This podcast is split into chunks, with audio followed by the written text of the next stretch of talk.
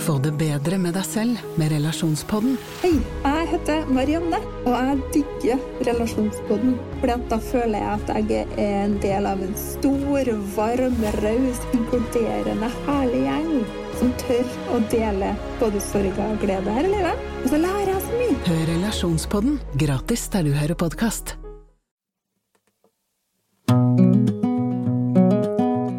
Alle har en syke, og jeg vil gjerne snakke om det. Det gjør jeg her, sammen med huspsykiater Finn og en gjest. Dette er Pia syke. Vi skal ta opp noe som er fryktelig vanskelig å snakke om, Finn. Pedofili. Og nettopp derfor skal vi gjøre det. Um, jeg har fått en mail fra en lytter som ønsket at vi tok opp dette. Og hun er selv blitt utsatt for det. Eller utsatt for overgrep.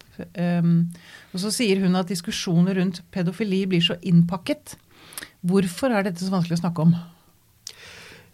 For egen del så er jeg blitt litt slått av at jeg som fagmann, hvor lite jeg vet om pedofili egentlig. Fordi det er jo også fag. Og min umiddelbare tanke da er jo at jeg, hele den moralske fordømmelsen mm. eh, stenger for eh, jeg, både kunnskap og interesse for dette. Ja. Så Sånn sett så ser jeg veldig frem til at vi har fått en gjest her i dag. Ikke sant. Vi har fått besøk av uh, Tore Langfelt. Du er psykolog og spesialist i klinisk uh, psykologi. Kan man si at du er en slags ekspert på pedofili? Ja, jeg må nesten si det. Jeg har mm. jobbet med det i mange mange år. Og... Altså, jeg tror bare vi konstaterer det. Vi konstaterer ja. det. Vi konstaterer det. Ja. Ja. ja. Da jeg spurte deg, Finn, om, eller fortalte om mailen og dette vi snakka om, så sa du det. Tore Langfelt må i studio da.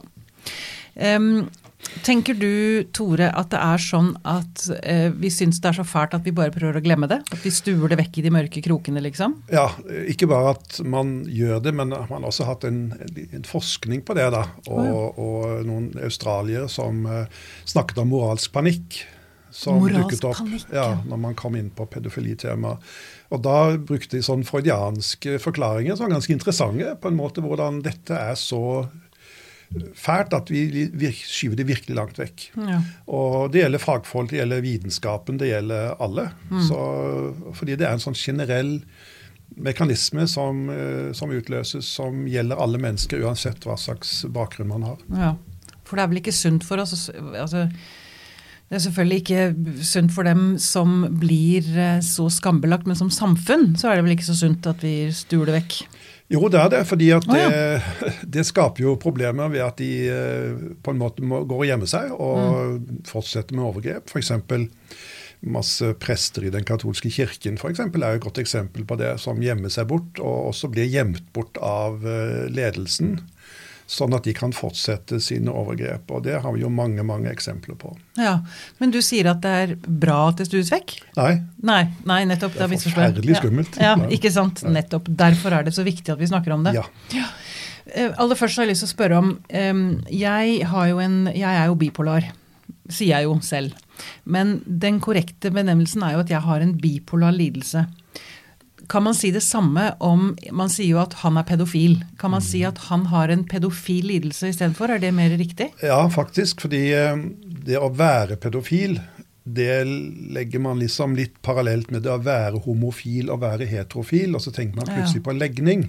Ja. Og det er det mange som vil det skal være, fordi mm. da kan man stue det bort. Mm. Eh, mens da den eh, amerikanske psykiatriforeningen, som eh, sto for revisjonen av eh, DSM-4, som mm. ble DSM-5, eller DSM-6. DSM-5 i 2013. Ja, ja. Så i 2013, ja. Da hadde de en leder for den avdelingen som skulle jobbe med dette her, som uh, het Blanchard. Han er homofil. Og han uh, har jeg vært i disputt med mange ganger, for han mener at jeg tar fullstendig feil, at pedofili er en legning, sier han. Mm. Og det skriver han i den første utgaven av DSM-5 som kommer ut. Og når da den amerikanske psykiatriforeningen får boken på bordet, så sier de her er det oppstått en feil, dette er fullstendig galt, dette må fås bort. Og de reviderer da dette kapitlet og sier at det er en, en pedofil lidelse. Man er ikke pedofil, men man har en pedofil lidelse. Mm. Og det er noe annet. Og det gjorde de bl.a. for å fremme forskning, fremme terapiforskning og fremme forståelse. For hvis det var en legning, så hadde man jo ikke noe grunn til å verken finne det ene eller andre. Men den legningstingen den er det mange som har ønsket å ha, bl.a. den katolske kirken, som fant ut at da kunne man bare studie bort og ikke tenke på dem. Hvis det var sånn at eh, menn som forgrep seg på gutter, i all vesentlig grad var homofile, så måtte man faktisk ta det på alvor og gjøre noe med den utviklingen som man ser hos barn som da eh, er seksuelt tiltrukket av samme kjønn. Eh, når det gjaldt eh, menn som forgrep seg på jenter, så så var de på en måte heterofile. Man har aldri, aldri tenkt på at de var noe annet, egentlig. Selv om man brukte begrepet pedofili.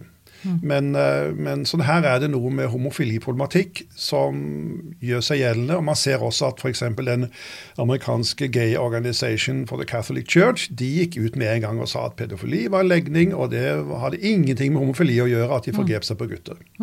Og det har jo gjort til skamme mange anledninger. Vi har jo hatt terapier i bøtter og spann på IKST med mange menn som har forgrepet seg på gutter, og alle kommer ut som homofile eller bifile på et eller annet vis. Så vi har to legninger, heterofil og homofil, og så har vi en, eh, noen skjevutviklinger som Ja. vi må ta vare på. Da. Heterofil, homofil, punktum. Ja. Ja. Bifil. Ja. Ok. Um, ja, Det er bare litt av begge deler, det. ja, det er jo, ikke en det egen kategori. Nei, 50-50. Ja. Um, eh, bare for å definere det ordentlig, hva er pedofili? Altså, Det er eh, ulike eh, definisjoner, men de som er opprinnelig, det var da at man var seksuelt tiltrukket av prepubertetsbarn. Prepubertet, eller, ja. eller i tidlig pubertet. Mm. Og da regnet man opp til sånn 11 år. Det var liksom en sånn grense, 11-12 år omtrent. Akkurat. Men så har jo media eh, helt andre definisjoner, for de har f.eks. brukt den seksuelle lavalder Mm. som en definisjon på pedofili. Og når du da kommer til eh, USA, hvor det seksuelle lavalder er 18 år, så vil de altså kalle folk som har sex med en 17-åring, for pedofile. Mm. Og Derfor ble Epsteins eh, eiendom kalt for The Pedofil Island. ikke sant? Ja. For der var det en 17-åring som hadde vært med i bildet. Og så ser man hvordan media også er med på å ødelegge dette begrepet fullstendig. Og i England så hadde man jo for en del år tilbake en eh, seksuell lavalder for menn, eller for gutter, da, på 18 år. Slik at eh, hvis du hadde et homoseksuelt forhold og var under 18 år, altså 17 år, så ble det også der kalt for pedofil. Mens eh, den seksuelle lavalder for, eh, for lesbiske, den var den samme som for heteroseksuelle. Og, den distinksjonen mellom homofile menn og homofile kvinner, den har vært rådende i veldig mange land. Men nå har det jevnet seg ut, da, så nå er det likt for alle, stort sett. Men som sagt, noen har da en seksuell lavalder på 14 år, som i Tyskland. Eh, 15 i Danmark og Sverige, eh, 16 i Norge og 18 i flere stater i USA. Ja, Så det er kjempestore forskjeller her, altså. Ja, nettopp. Ja. nettopp. Eh, men det er altså en dragning mot eh, prepubertale. Ja, Både gutter og jenter. både gutter og jenter. Ja. ja. Men de som, de som har det, har det enten til det ene eller det andre kjønn. Altså det, Ja. de, Det er ikke bare barn. Noen, nei, noen få, eh, som kanskje like mange prosent som det finnes biseksuelle, kan ha tiltrekning til begge kjønn. Men Ja. ellers er mesteparten til gutter eller til jenter. jenter. Okay. Og incest, det er når man forgriper seg på noen som er i samme familie. I samme familie. Ja. Eller søsken. Eller søsken. Ja, Ja, og der var det sånn i familie. gamle dager at det var kun samleie som var forbudt. Ja, for det er det neste spørsmålet mitt. Pedofili, det handler ikke bare om samleie, penetrering, liksom? Nei, det handler om tiltrekning, og bør ikke handle om sex i det hele tatt. Nei. Det er vel litt viktig å snakke gresk. Altså pedo, barn og fili, altså noe du eh, er glad i. Eh, og man kan jo eh, håper jeg, være pedofil uten å ha seksuell aktivitet. Altså, det er vel en viss distinksjon, Tore, mellom jeg, pedofili i betydning av følelser og pedoseksualitet. Ja. For det, pedoseksualitet er aktiv Det er Handling, ja, og- begrepet det Mm. begrepet introduserte jeg i Valencia for mange år siden, pedoseksualitet. Og det har gått igjen eh, og blitt et be brukbart begrep som jeg syns er mye mer dekkende for hva det dreier seg om. Og så kommer fra deg, det, altså. Ja, det kommer. Se der. Så er vi i fint selskap. Nede i Valencia. Ja. Men pedoseksualitet, da, hvor går grensen? Nei, altså det er eh, Igjen så må man sette en aldersgrense, fordi man har jo, kan du si, en psykologisk eh, hvis man tenker noe seksuell lavalder, da, så har man en, en psykologisk seksuell lavalder som uh, varierer selvfølgelig fra 15 til 18, vil jeg tro. Mm. Og så har vi en juridisk seksuell lavalder som er fastsatt til 16 år i Norge, eller ja, andre steder har de andre uh, aldersgrenser. da. Mm. Sånn at modenhet og juss det stemmer ikke alltid overens. Så det at vi må passe på når vi snakker juss og når vi snakker psykologi. Eh, når det gjelder pedofili, så er det prepubertet per se som er så viktig. Og da kan det være faktisk Det er jo noen på 16 år som ikke ennå har gått i puberteten. Så ja. det vil da egentlig sånn psykologisk sett være eh, pedoseksuell handling, mens det juridisk sett ikke ville være det. Så mm. der kan man se ekstremene her liksom ja. ligger også her, da. Ja. Um, det er jo forbundet med veldig mye skam. Um, veldig mange menn som er redde for at de går for langt. Uh, altså Hvis de sitter med et barn på fanget, så har jeg hørt at de, det er jo mulig å få ereksjon ja. av det rett og slett fordi man blir stimulert. Også ja, da, eller, det er varmt og godt. Det er varmt og godt, ja, eller, ja. Men, men, da tenker menn Eller jeg har lyst til å snakke litt mer om det. for jeg, ja, Menn kan ha pedofile tanker eller en reaksjon, men det betyr ikke at Nei, De har ikke en pedofil tanke og reaksjon, men de bare reagerer på den nærheten. Ja, Men de er redde for det? Og, at nå er jeg pedofil? Det. Ja, selvfølgelig. Mm. Mm. Eh, jeg har en kollega som hadde bikkja på fanget, og fikk ofte ereksjon når han hadde bikkja på fanget da han mm. var yngre, men han mm. var jo ikke uh, sofil av den grunn. Er det sofil, det? Ja, så, så, han bruker det som eksempel da, når, når han uh, snakker med pasienter også. Mm. For det å bli seksuelt opphisset av noe er ikke det samme som å være seksuelt tiltrekket av noe. Så hvis du er tiltrukket av noe, så er det en annen mekanisme enn det å være opphisset av noe. For du kan mm. bli opphisset av hva som helst. Mm. Og, og, hvis du ser på pornografi, så ser du alt det rare du blir opphisset av, og så blir du helt sjokkert. tenker, herregud, er det så mye gærent med meg? Men så er det jo ikke sånn, fordi det du er tiltrukket av, det kan være liksom en liten smal ting som, mm. uh, som, du er mest opptatt av her i verden, som mm. er viktig for å skape seg partner og, og i det hele tatt ha mm. et, et seksualliv. Så det du blir opphisset av, det er altså alt mulig rart. Ja. Den morsomste historien syns jeg er når, når, en lesbisk kjent dame fortalte meg Tore, vet du hva jeg mest, vi er mest seksuelt opphisset av? Sammen. Nei, sa jeg. Jo, når to gutter har sex med hverandre. For de ja. stråler ut all seksualiteten. Men vi er jo ikke særlig interessert i dem ellers. Så, Ja. Nei. Se der. Um, men jeg Det startet som en helt vanlig dag med de helt vanlige rutinene, den vanlige reiseruten og det vanlige stresset. Helt til ingenting var vanlig lenger. Eh, hvorfor ser alle på meg, egentlig? Har det skjedd noe? Eh, noen har lagt ut bilder av deg på nettet. Hvis du rammes av et digitalt innbrudd, er du ofte den siste som får vite om det. For sikkerhetens skyld inkluderer vi sikkerhetstjenester i våre abonnement. Bli tryggere på telenor.no sikkerhet. Uansett om du er merkebevisst, et vanemenneske eller en sparegris, kan du alltid få tilfredsstilt behovene dine hos Normal. Vi får ca. 100 nye varer i uken, tilsvarende ca. 14 produkter per dag, eller rundt halvannet nytt produkt per time. Så kanskje du burde ta en tur i butikken med en gang. Det kan være det er noe nytt i hyllene. Normale varer, unormale priser. Litt tilbake til denne enorme skammen som omhyller pedofili. Mm. Kan dere snakke litt om det? Det er bare for å begynne en helt annen ende. Altså, det er jo en viss grad kultivert. Altså, dette har jo ikke vært likt i alle tider. Eh, det er jo også kulturer som i viss grad har liksom hatt større aksept for det. Mm. Så dette er jo veldig mye i vår tid og vår kultur, hvor vi lager et slags totalt tabu rundt det. Jeg har vel en tro Tore, på at liksom, i sin tid i Hellas også var jo også liksom eh, kontakt med barn uh, var ikke helt utenfor liksom, det akseptable. Nei, og Nei, også ja. innføre uh, jenter som har kommet i puberteten i det sek seksuelle verden, liksom. Ja, det ser man jo også. I, uh, jeg tror faktisk at Augustins kone etter han ble kristen igjen. Han var jo manekist i tolv år, og så ble han kristen igjen i Milano, husker jeg. og mm. Jeg husker og husker, men sånn var det i hvert fall. Og da mener jeg at den konen, kjæresten hans, var elleve år. Mm. Og, så, og, da skulle hun forberedes til, eh, til eh, samleier og slikt. Mm. Altså, det var ikke noe Mm. tvang, men det var liksom, der begynte det. Mm. Så man har nok begynt på pubertet eh, mange steder. Man gjør det vel også i India man, og en del steder i Afrika. Mm. Men interesse for prepubertet, det Mm. har det vært lite av. Altså. Ja, det er noe annet. Og det er er heller ikke bikkjene opptatt av. Altså, ikke sant? Når bikkjene kommer til, sant? For det er noe gærent. Er noe gærent, ja. Når man, har, når man driver med pedoseksualitet, Ja, så er, har man en forstyrrelse, er det riktig å si? har en forstyrrelse. Og Forstyrrelse. den har ofte begynt veldig veldig tidlig. Og Ja. Det kan være f.eks. et utslag av alvorlig seksuelle overgrep når du selv var bitte, bitte liten. Mm. Eh, hvor det blir en slags hevnreaksjon eller en måte å ta kontroll over egen smerte på. Det er Mm. mange måter dette kan gi seg til uttrykk på. Så Ja. Jeg, lurte på det om det kunne være en sånn coping me- mechanism, akkurat som rus kan liksom døyve, at du døyver alt det vonde i deg, eller at du Ja, tar kontroll det, ja, over det kan faktisk det. I Mm. noen tilfeller kan det være det. Og det fant man jo når man eh, drev og undersøkte eh, menns uh, seksuelle reaksjoner ved sånn penismåling. Mm. Så fant man at menn kunne også reagere på, på barn, små barn, som ellers ikke var opptatt av barn.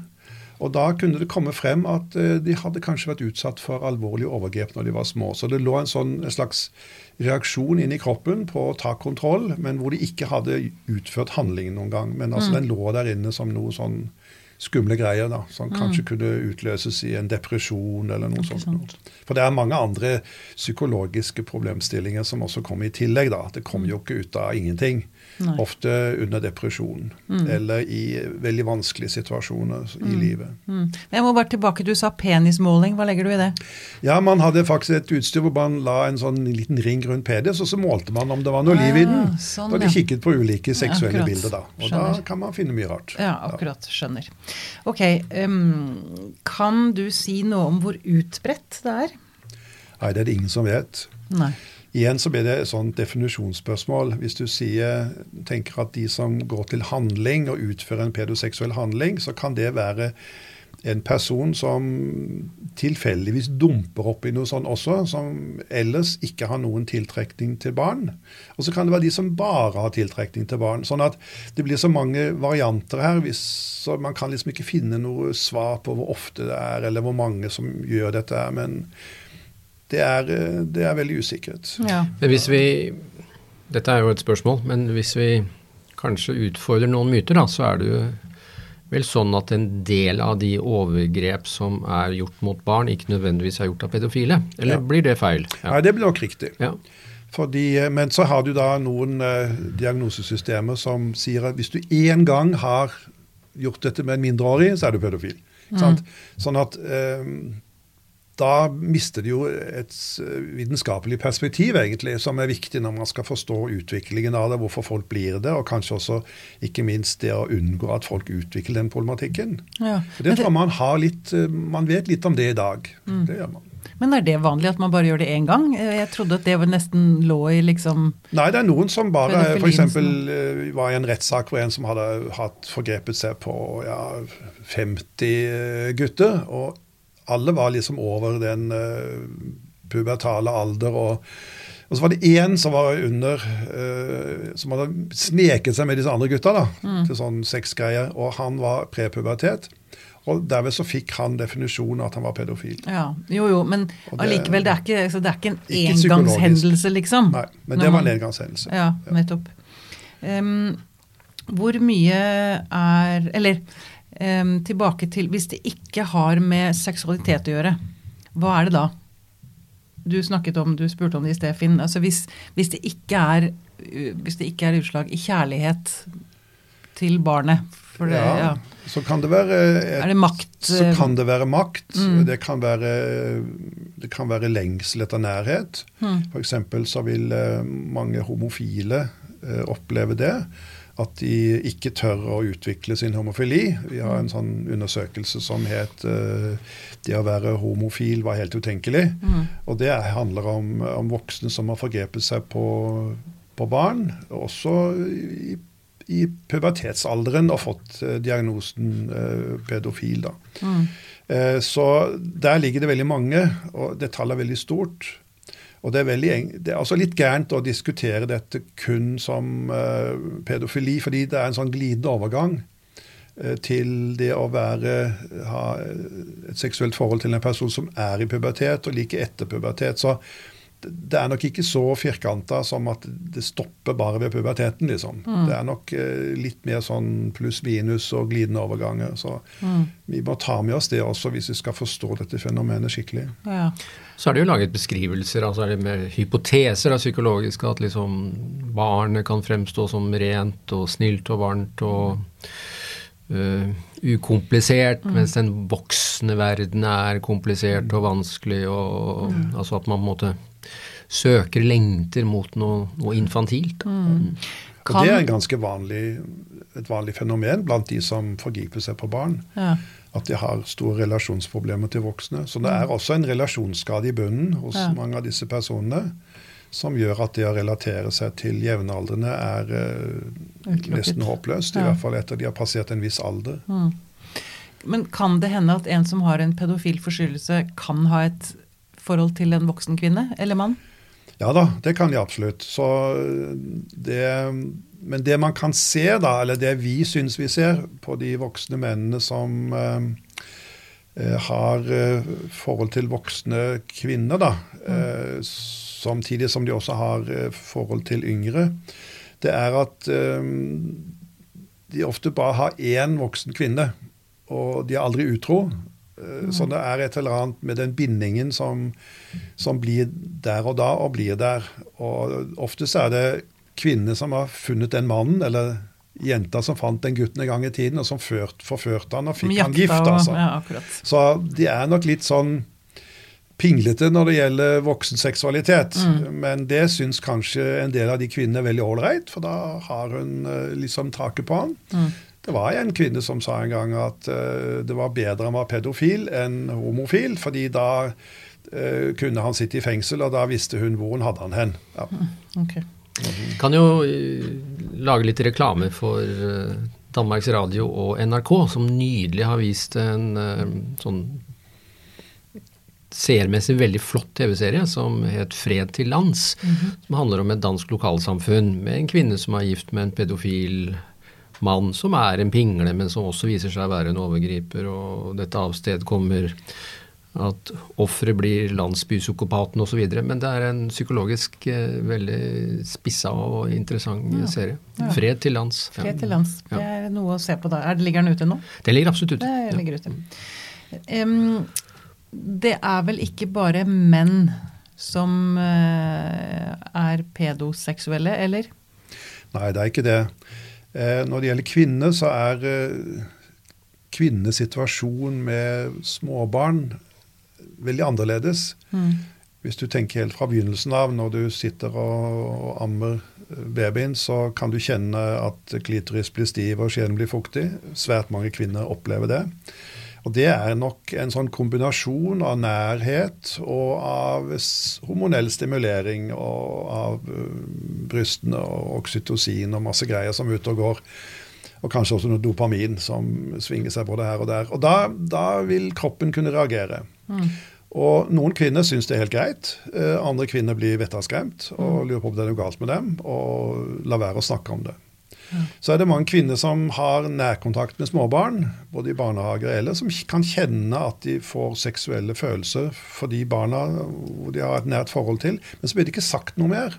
Mm. Og så er det heller ingen penis som stivner og, og syns i, i, i heimen. ikke sant? Sånn at ja, her er det mange sosiale fenomener som er ute og går, som gjør at kvinner nok kan skjule dette på en annen måte. Og kanskje også tenke mer på morskjærlighet som uh, en del av fenomenet, uten å være klar over at det kanskje dreier seg om noe erotisk også. Ja, Men de kan også utføre handlinger som er, er skadelige. Det, ja. ja. Mm. Og det man ser at Hvis du tenker på kvinner som forgriper seg på småbarn, så er det mest innen familien. Mm.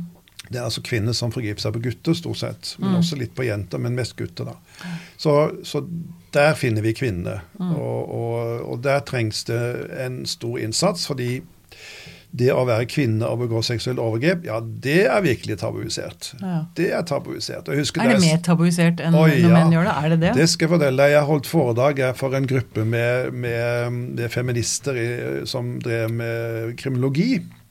Og Da nevnte jeg også at kvinner begikk seksuelle overgrep. Og Da var det protester fra salen at det skulle de ha seg frabedt. De skulle ikke snakke om det.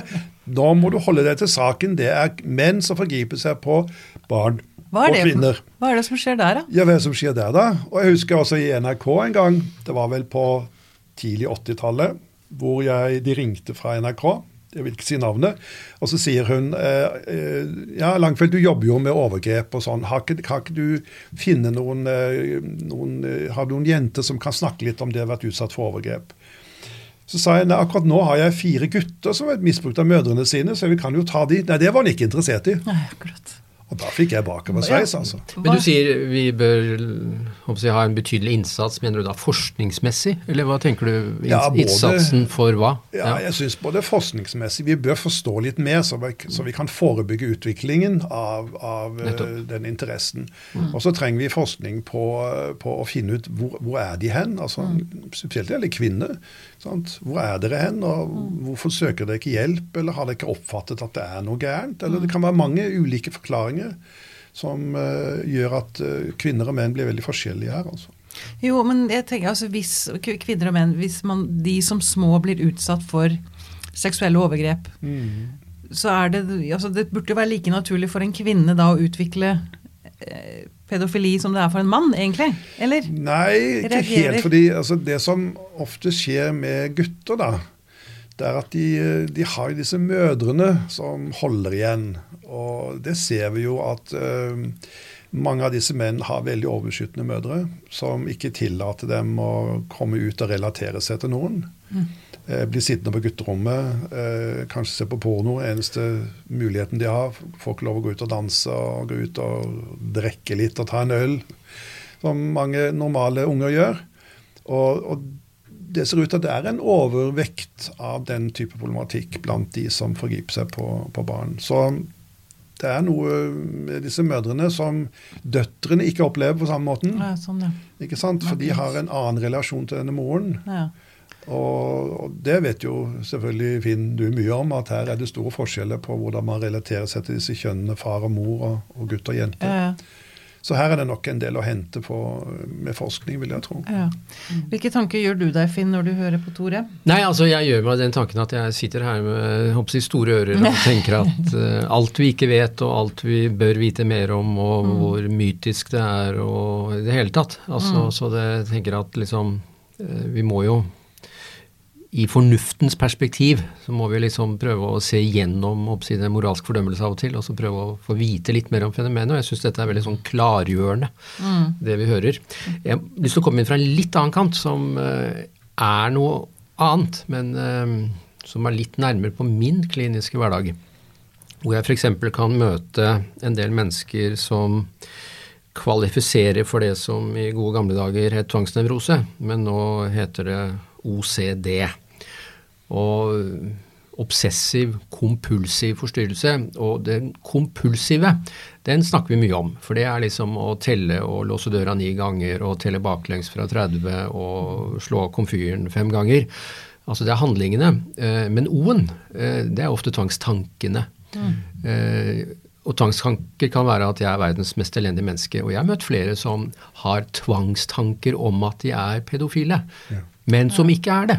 Altså fordi at Det er også den slags totale forkastelse av seg selv, eller det er måte det verst tenkelige de kan tenke om seg selv, og så får de tvangstomper, og sånn er det. Så dette er jo ikke pedofili, men det er jo ideen om pedofili. Ja, nettopp. Men det er bare de med tvangstanker som kan ha sånne tanker? Eller Altså vi, det det kan Tore svare mer på, men altså, vi snakker om OCD, og av og til i engelsk og amerikansk sammenheng så snakker vi om pure O, de som bare har O. Ja. De som bare har tvangstanker uten å ha så mye tellekanter.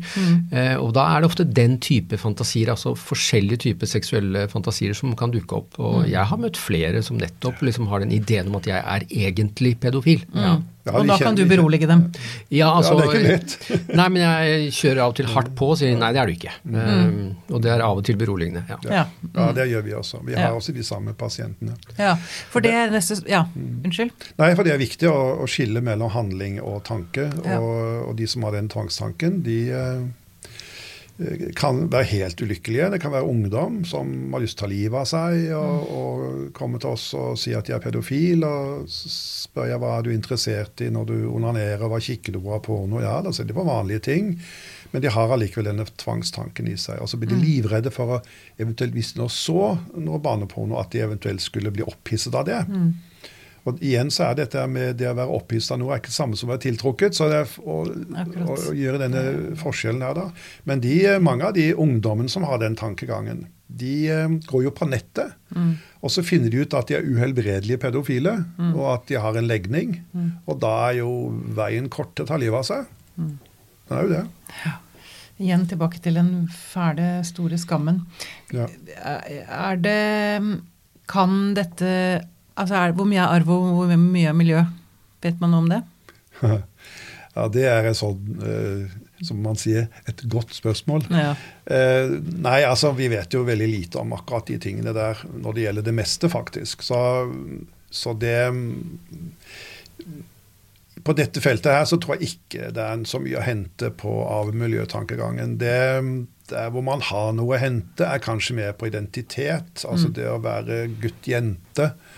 Eh, så jeg har en god venn som heter Mickey Diamond, som eh, bor på Hawaii og har drevet med studier av eh, hva som er genetisk og ikke genetisk i mange mange år. Da jobbet med tvillinger og transproblematikk og homofili og gud vet ikke hva. Men han er også enig i at det er kjempevanskelig egentlig å, å si mm, svar på det spørsmålet. Men i noen, for noen felt så kan man si at det har nok noe med arv å gjøre. Det kan være sånn som musikalitet, og det kan være litt på lynne. Altså sånn måten å være på. Man er liksom litt sedat og rolig, veldig oppfarende.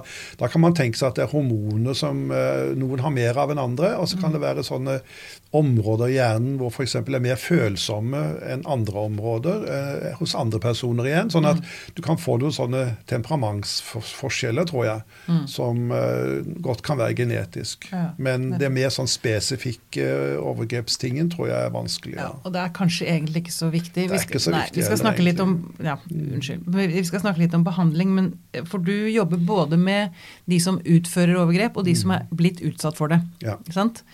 Og jeg har lyst til å snakke litt om eh, den som blir utsatt for det. Mm. Det er jo veldig skadelig. Hva er det som skjer med sinnet til en som blir utsatt for seksuelle overgrep før Ja, puberteten? det er også faktisk ganske vanskelig, fordi det er hvordan vi takler det når det kommer på bordet. Altså, okay. Og hvor gammel du er når du får sagt fra, eh, ikke minst. Men også hvordan vi forvalter den informasjonen er viktig. For vi kan forvalte det som at dette er en livskatastrofe for deg, og da blir du jævla sjuk. Det var sånn som i gamle dager da de ble tatt for å onanere og fikk vite at dette var livsfarlig, så ble de faktisk ganske sjuke. Altså. Sant? Så det er noe med hvordan dette blir tatt imot. Uh, og der er vi jo ikke særlig flinke. fordi der er vi mest opptatt av å få tatt skurkene. Så hender det ofte at ofrene bare går for lut og kaldt vann. Men, eh, men eh, det er viktig å, når vi hjelper ofrene, at vi hjelper dem i hele den prosessen. Som helt fra selve overgrepet til hva som skjer med avsløringen, og hva som skjer med deg siden i det voksne liv. Og Da kan vi se at f.eks. selve overgrepssituasjonen kan være eh, når du er ganske liten, være en sånn en ekkel og vond opplevelse. men Du skjønner ikke helt hva, hva far eller mor driver på med, men det er noe som er ubehagelig. Og Så kommer det etter hvert en slags bevisstgjøring på hva dette dreier seg om. Og så kommer man kanskje i puberteten og kjenner på at dette var jo helt forferdelig, egentlig, det som skjedde den gangen. Og Da er det viktig at vi tar imot disse eh, ungdommene og voksne personene på en sånn måte at de også kan forstå hvorfor det ikke var så skummelt da de var små, men hvorfor det ble skumlere etter hvert som de ble eldre. Selv om de da overgrepet var over. Det blir skumlere etter hvert som man blir eldre? Ja, fordi da hører man mer konsekvensene. og dette, og så legger man, Til slutt kan man legge alt som man har av psykiske problemer, på overgrepet. Mm. Og da har man gjort seg selv en bjørntjeneste. Ja, Men sier du da at vår kultur bidrar til å gjøre dette verre? Det tror jeg absolutt. Ja. Ja. Vi er ikke flinke til å ta vare på de barna eller de, den situasjonen som, som, dette gjelder. Vi, mm. vi, setter det under den uh, moralske panikkparaplyen uh, og, mm. og, gjør dette til også en forferdelig handling. Jeg husker en dame, svensk kjent psykiater, som sa at alle overgrep er like skadelige. Jeg mener, Hvordan kan man si noe sånt? Mm. Det er jo helt, Da har man jo mistet fullstendig perspektivet på hvordan man skader andre mennesker. Ja. Det, Et annet perspektiv er jo at Altså Dels så er det jo en del forskning som sier at oppsi, hvor gammel du er, betyr ganske mye. Altså for det er jo oppsi, hvordan hjernen er laga. Mm. Uh, forskjellige utviklingsfaser. Men uh, det vil jo være sånn at barn er jo grunnleggende avhengige av de voksne. Altså en seksåring kan ikke bare pakke sekken og dra. Mm. Uh, som gjør altså at barn dels så lever det en kultur som de tror langt på vei er normal, inntil de flytter hjemmefra og skjønner at det ikke er normalt. Dels så vil jo ofte barn forklare ubehag med seg selv, mm. fordi de på en eller annen måte beskytter de voksne ved at de er helt avhengig av dem. Mm. Og Da kommer jo sånn skam- og skyldtematikker opp. Altså ja, jeg var vel også et bidrag til det, jeg fortjente det ikke, osv. Seksuelle overgrep og skam er jo helt essensielt, og mm. spissformuleringen er jo at det er feil folk som skammer seg. Mm. Altså voksne skamløse atferd mot barn fører til at det er barna som skammer seg, fordi på en eller annen måte så føler de at de bidro i dette her. Mm. Mm. Og jeg vet jo, å si, Din kollega her i Pia og psyken, Karianne Vrabel, har jo forska på dette. Og hun har vel kommet frem til at det er, jeg husker ikke andelen, men at spiseforstyrrelser ofte kan bunne i at det ligger et overgrep i bånn? Ja, og vi har tall. Altså vi er mellom 20 og 30 Litt mm. avhengig av hvordan man definerer overgrep. Altså hvis vi mm. definerer det litt hvitt, eh, så er vi oppe i de tallene. Ja. Mm. Um, jeg er bare litt redd for, eller det, plutselig så slår det meg at vi, um, vi, er veldig opptatt av å forstå de som utfører overgrep, men vi må også passe på de som er blitt utsatt for det. Altså, det er skadelig. Jeg har bare lyst Vi, vi kan ja, ikke un underslå det. Ja, fordi at uh, i, uh, det er ganske stor andel av de som begår overgrep, som har vært utsatt for overgrep. Så vi er nødt til å ta begge, begge sider. sidene med. og ja.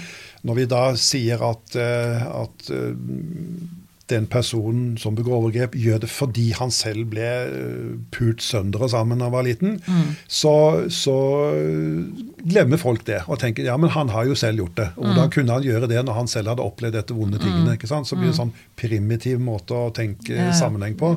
Men det er klart dette er kjempeviktig. Så, og det at vi jobber med begge deler, gjør det også lettere for oss å forholde oss til de overgrepene som overgriperne er utsatt for. Ja, for de må også behandles. Mm. Det er en traumatisk opplevelse. Og så er det faktisk litt traumatisk, ikke litt, men kanskje mye traumatisk å selv begå et overgrep. Ja. Så den, det aspektet må vi også se på når vi jobber med, med terapi. Ja.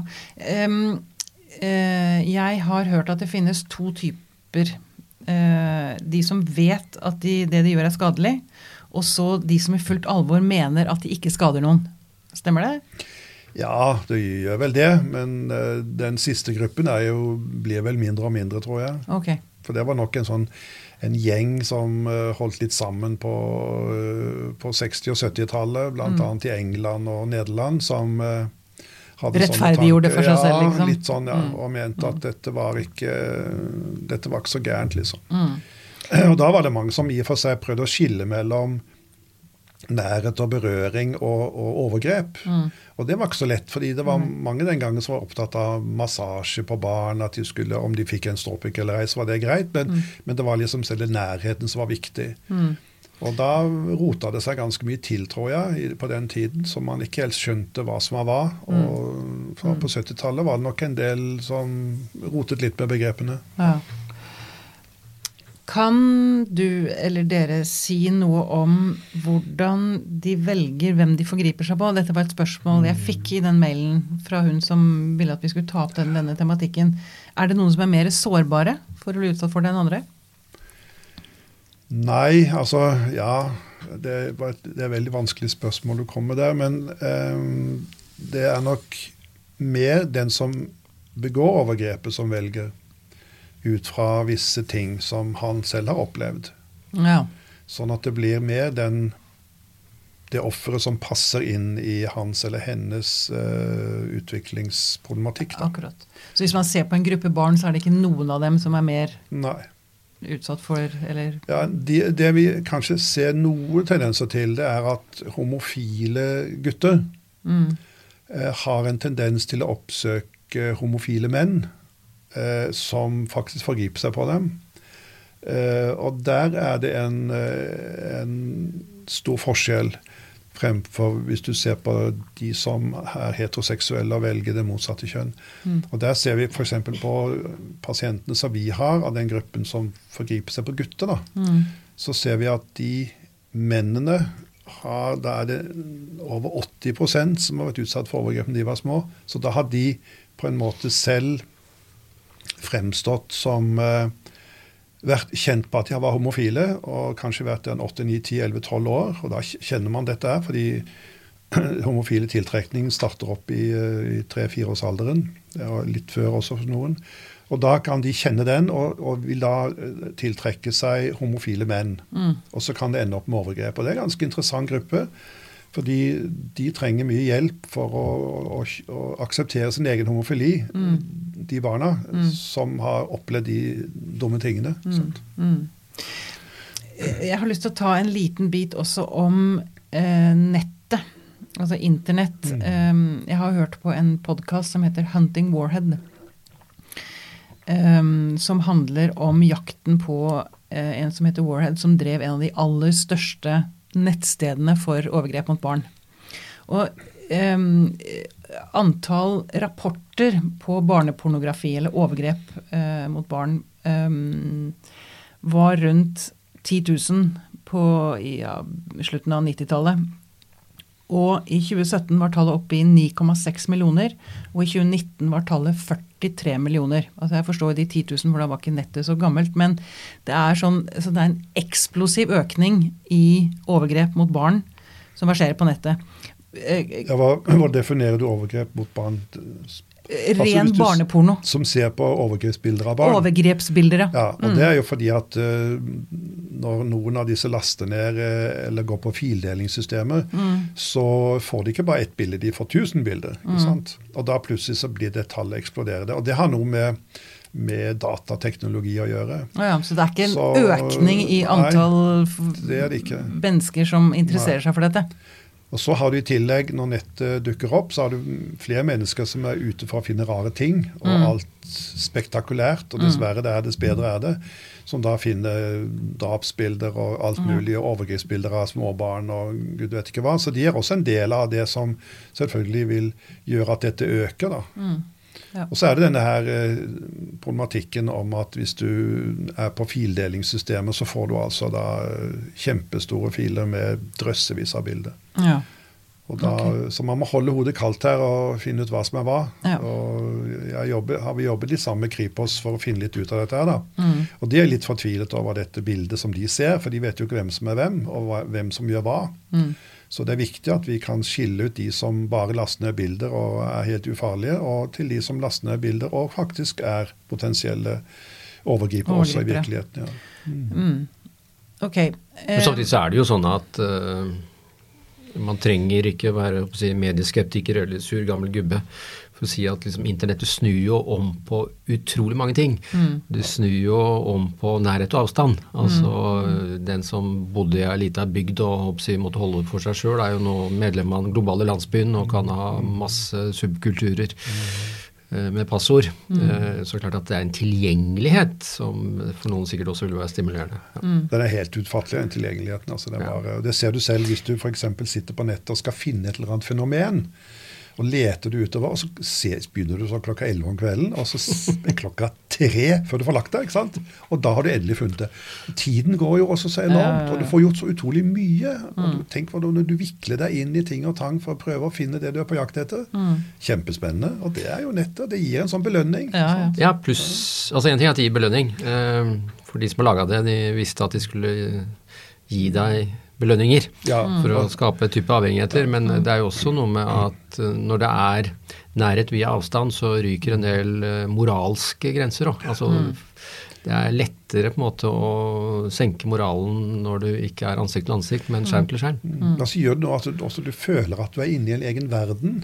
Det er mange av de som sitter på nettet og f.eks. driver med sexprat, som er veldig vanlig for mange. da, og Kun det. De er kun opptatt av sexprat.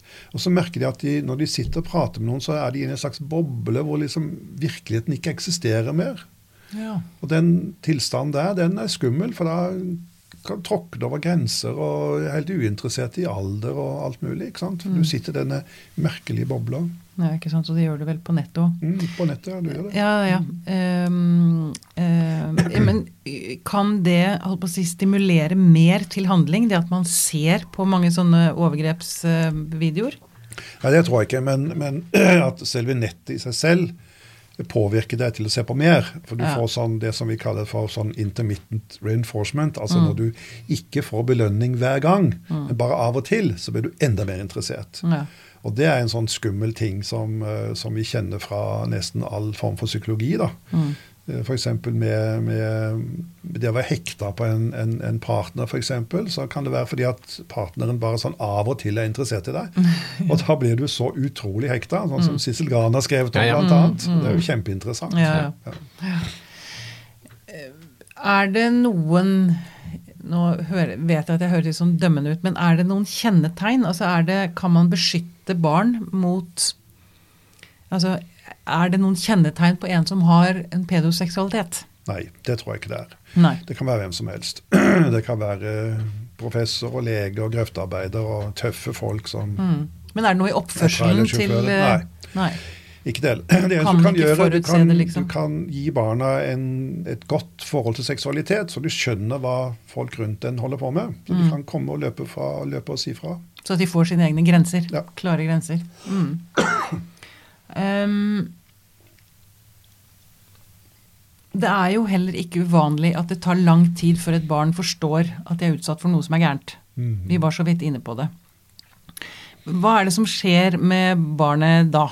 Altså, eller som voksen, men det kan jo ta 20 og 30 år før man Ja, jeg tror ikke det så- tar så lang tid før de skjønner at noe er galt, men det tar lang tid før de tør å si det. mm, Fordi eh, de som jeg har jobbet med som har vært utsatt for overgrep når de var sånn tre, fire, fem, seks, syv år, Mm. så har de allerede sånn i seks-syvårsalderen skjønt at her var noe var veldig alvorlig og gærent. Men kanskje ikke helt bevisst? Eh, jo, bevisst oh, ja, okay. også, men det er noe Det passer ikke inn i verden utenfor dem, liksom. Så det er ikke noe sånn Det gir ikke noe resonans å tenke det, fordi det er ingen som snakker om det. Det er ingen som Altså, det, det har ikke noe sted å komme. Mm.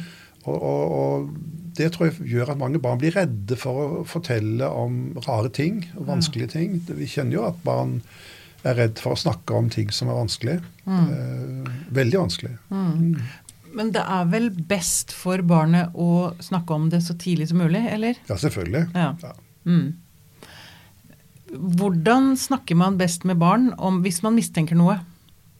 Som voksen, som forelder, eller barnehageansatte, eller Altså, Jeg regner med at f.eks. Ja. et sånn klassisk tegn, kanskje et barn som har vært veldig utadvendt, som plutselig blir veldig innadvendt, Mm. altså, så kan det jo være lurt å begynne Ja. å spørre. Grave litt. Hvordan gjør man det best? Ja, eh, det er å prøve å unngå ledende spørsmål. Ja. Fordi hvis f.eks. For jeg som far da, begynner å spørre ungene eh, Jeg har både barn og barnebarn og oldebarn, så har jeg fått en hel skokk rundt meg etter hvert. Mm. Eh, jeg merker jo det at hvis jeg spør og ønsker at noe spesielt kanskje skulle være i svaret, så får jeg ofte det svaret. Sånn, de er veldig flinke til å, å finne ut hva vi har lyst til å høre. Mm.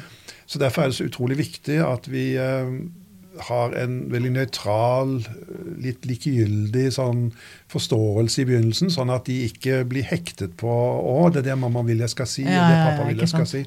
Så det er, det er mye kunst, uh, samværskunst. Jeg tenker også at det å være, som det heter fra fra denne tilknytningsteorien, at man skal være psykologisk til stede for barnet sitt Mm. og være sensitiv. Mm. Er du det, så får du ganske mye ut av et lite barn. altså.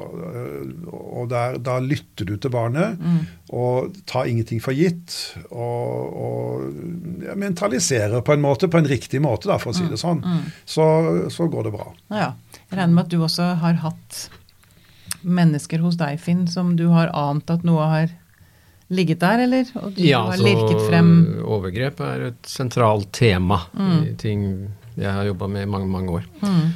Det er jo nettopp, som Tore sier, altså det er jo noe med uh,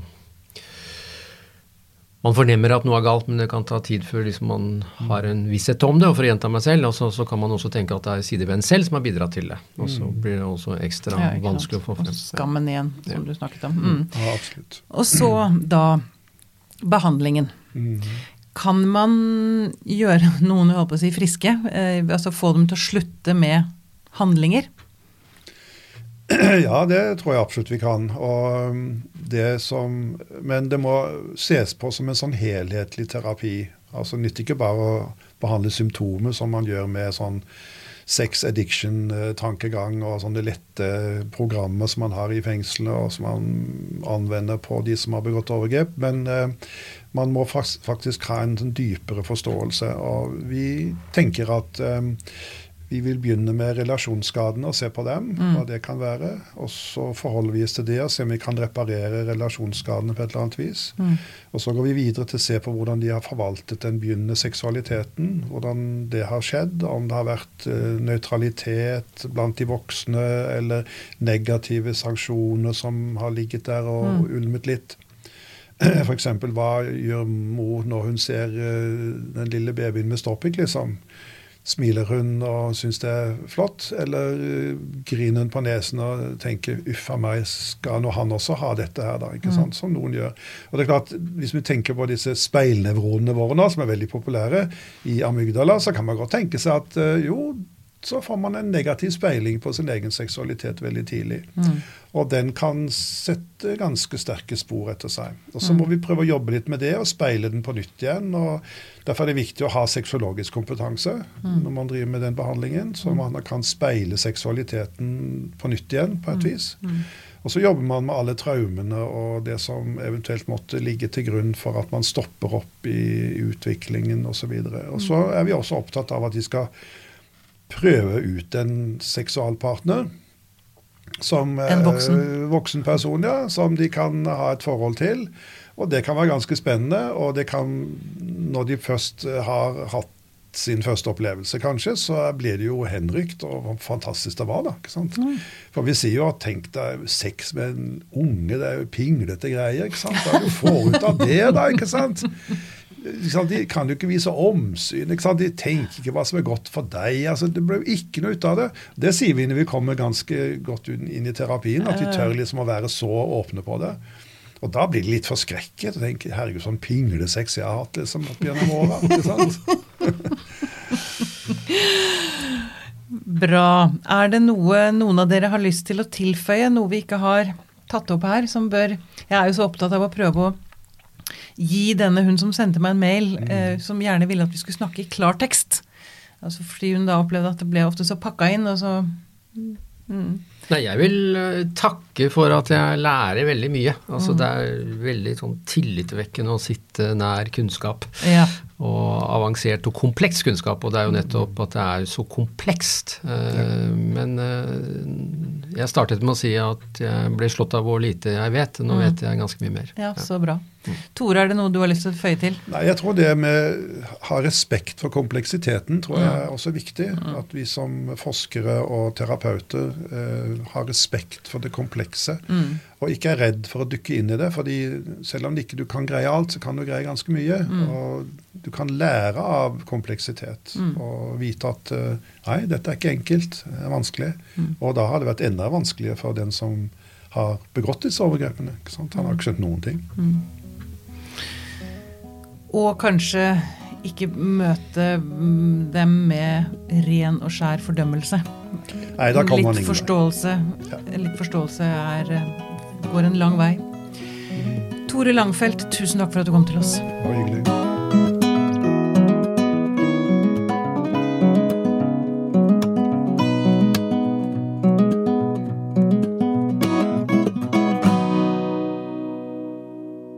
Janne. Podkasten er produsert av Tid, og, lyst. Med støtte fra Stiftelsen Kåreberg. Når du forestiller deg et innbrudd, så ser du for deg drama. Kaos. At noen tar på det som er ditt. Invaderer det du har nærest. Finn kortinformasjon. Det som bare du og kjæresten din vet om. Masse private bilder. Nydelig. Men sannheten er at mens et digitalt innbrudd pågår, så merker du ingenting. For sikkerhetens skyld inkluderer vi sikkerhetstjenester i våre abonnement. Bli tryggere på telenor.no sikkerhet.